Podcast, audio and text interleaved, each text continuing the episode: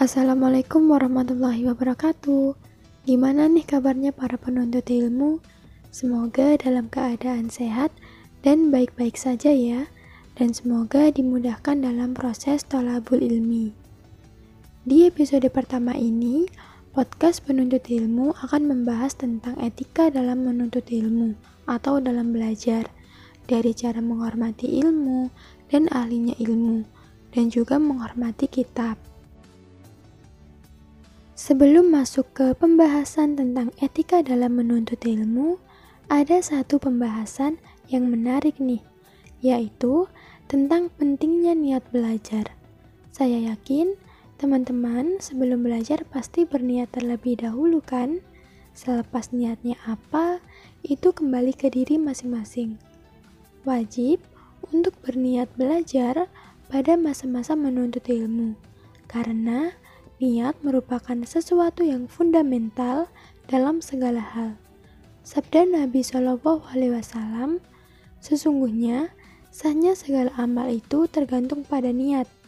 Sabdanya lagi, banyak sekali amal-amal perbuatan dunia menjadi amal perbuatan akhirat disebabkan niat yang baik, dan juga banyak sekali amal perbuatan akhirat menjadi amal perbuatan dunia disebabkan niat yang buruk.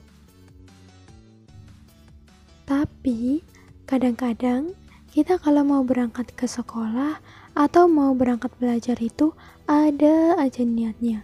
Selain niat untuk belajar, ada yang berniat untuk main. Ada juga niatnya buat ketemu doi di sekolah. Dan niat yang lain-lain selain niat belajar.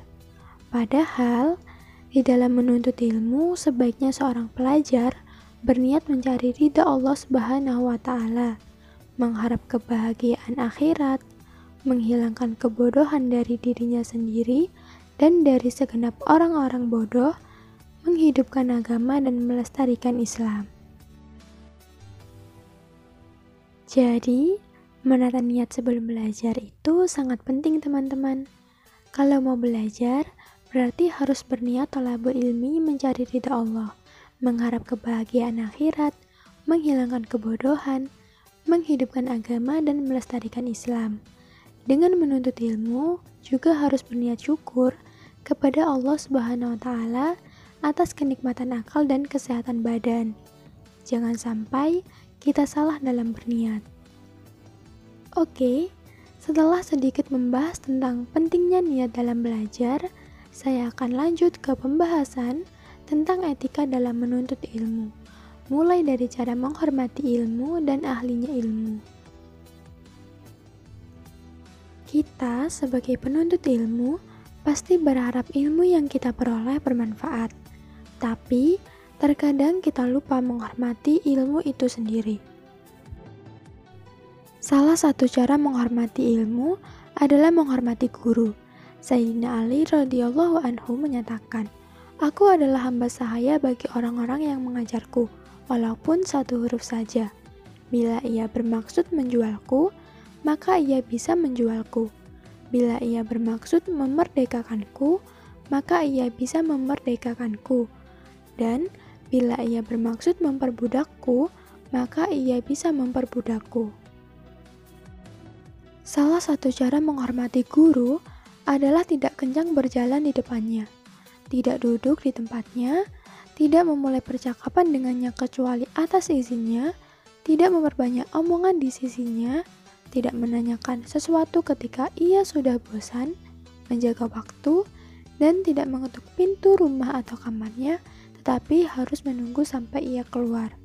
Kesimpulannya, seorang murid harus berusaha mendapat ridhonya, menghindari kemurkaannya, dan patuh kepadanya, selain dalam perbuatan maksiat kepada Allah Subhanahu wa Ta'ala, sebab tidak boleh patuh kepada makhluk untuk melakukan perbuatan maksiat kepada Pencipta.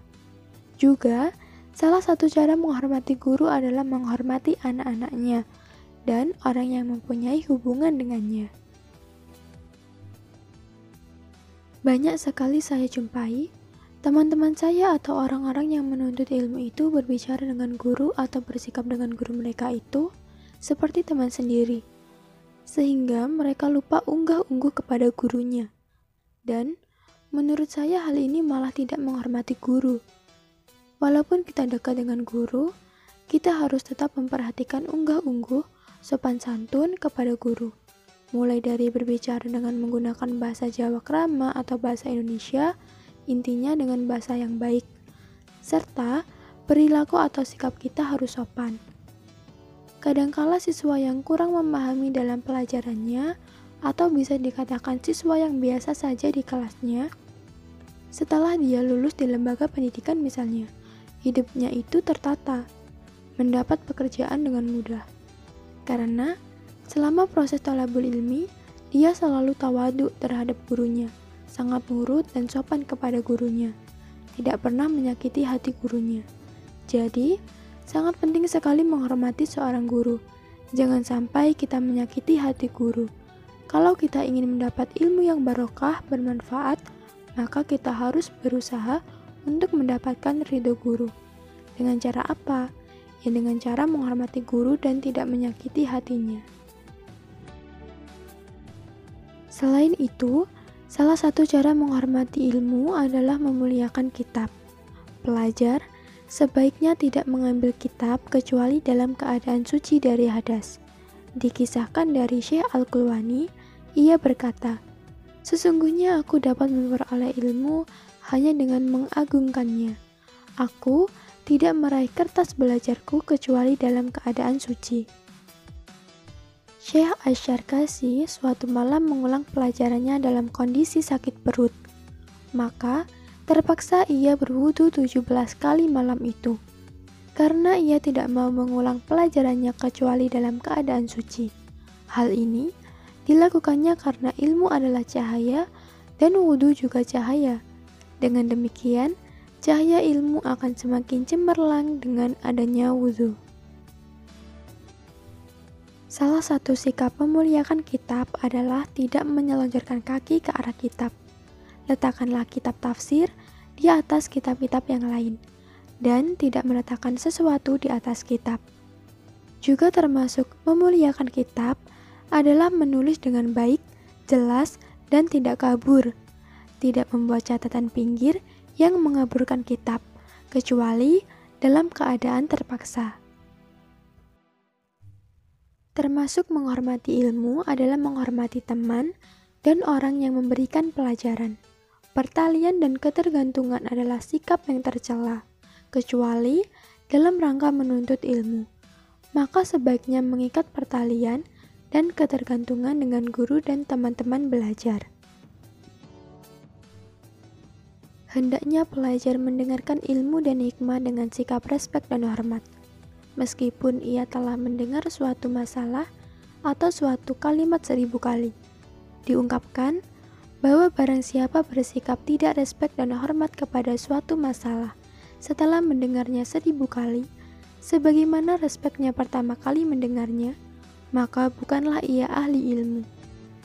Juga sebaiknya tidak memilih sendiri bidang ilmu yang akan ditekuni, tetapi mempersilahkan kepada guru untuk memilihnya, sebab guru sudah berpengalaman dalam menekuni ilmu dan tentu saja ia tahu ilmu apa sebaiknya dipilih seseorang dan apa yang sesuai dengan bakat dan tabiatnya. Sebaiknya, pelajar tidak duduk terlalu dekat dengan gurunya pada saat belajar tanpa ada hal yang memaksa. Ambillah jarak kira-kira sepanjang busur panah antara ia dengan guru, karena hal ini lebih menunjukkan sikap hormat. Pelajar hendaknya juga menghindari perilaku-perilaku yang tercela. Akhlak tercela yang harus dihindari terutama adalah kesombongan. Pernah suatu ketika ada teman saya. Dia ini waktu kelas 1 pernah mendapat ranking 1 di kelasnya. Kebetulan tidak sekelas dengan saya. Tapi dia ini terlihat sombong. Seakan-akan dia ini yang paling pintar di kelasnya sehingga banyak teman-temannya yang kurang suka dengannya. Dan suatu ketika di ulangan berikutnya saat pengambilan rapot, dia ini tersalip rankingnya dengan temannya. Yang sebelumnya dia ranking 1, jadi ranking 4 kalau nggak salah. Dari situ, saya ambil pelajaran, dan mungkin teman-teman juga bisa ambil pelajaran bahwasanya kita itu tidak boleh sombong terhadap apa yang kita dapatkan saat ini. Tapi kita harus bersyukur kalau kita mendapat ranking 5 besar atau mendapatkan sesuatu hal yang lain yang membanggakan, kita harus bersyukur dan tetap meningkatkan belajar kita. Selain memperhatikan etika dalam menuntut ilmu, kita juga harus bersungguh-sungguh dan kontinu dalam belajar karena merupakan suatu keharusan bagi seorang pelajar untuk bersungguh-sungguh, kontinu, dan tidak kenal berhenti dalam belajar. Hal itu telah diisyaratkan dalam firman Allah dalam Quran Surat Al-Ankabut ayat 69. Dan orang-orang yang bersungguh-sungguh berjuang di jalan kami, niscaya akan kami tunjukkan jalan kami. Diungkapkan, barang siapa bersungguh-sungguh mencari sesuatu, niscaya akan menemukannya seseorang akan mendapatkan sesuatu yang dicarinya sejauh usaha yang dilakukannya. Dalam menuntut ilmu, dibutuhkan kesungguhan hati tiga pihak, yaitu pelajar, guru, dan ayah bila ia masih hidup. Dan juga suatu keharusan bagi pelajar untuk kontinu atau rutin dalam belajar, serta mengulanginya pada setiap awal dan akhir malam. Karena antara waktu maghrib dan isya, serta waktu sahur adalah waktu yang penuh berkah. Dan juga tidak boleh memaksa diri sendiri dan membebaninya terlalu berat, sehingga menjadi lemah dan tidak mampu melakukan sesuatu.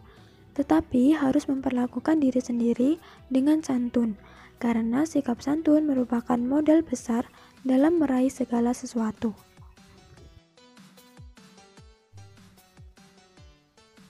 Oke teman-teman penuntut ilmu, mungkin cukup sampai di sini pembahasan di podcast penuntut ilmu episode yang pertama ini. Saya akan membahas pembahasan yang lain di episode berikutnya. Semoga apa yang saya bahas pada podcast ini dapat menambah pengetahuan bagi teman-teman penuntut ilmu. Terakhir, saya meminta maaf apabila ada suatu hal dari apa yang saya katakan salah. Terima kasih dan sampai ketemu di episode berikutnya tetap di podcast Penuntut Ilmu. Wassalamualaikum warahmatullahi wabarakatuh.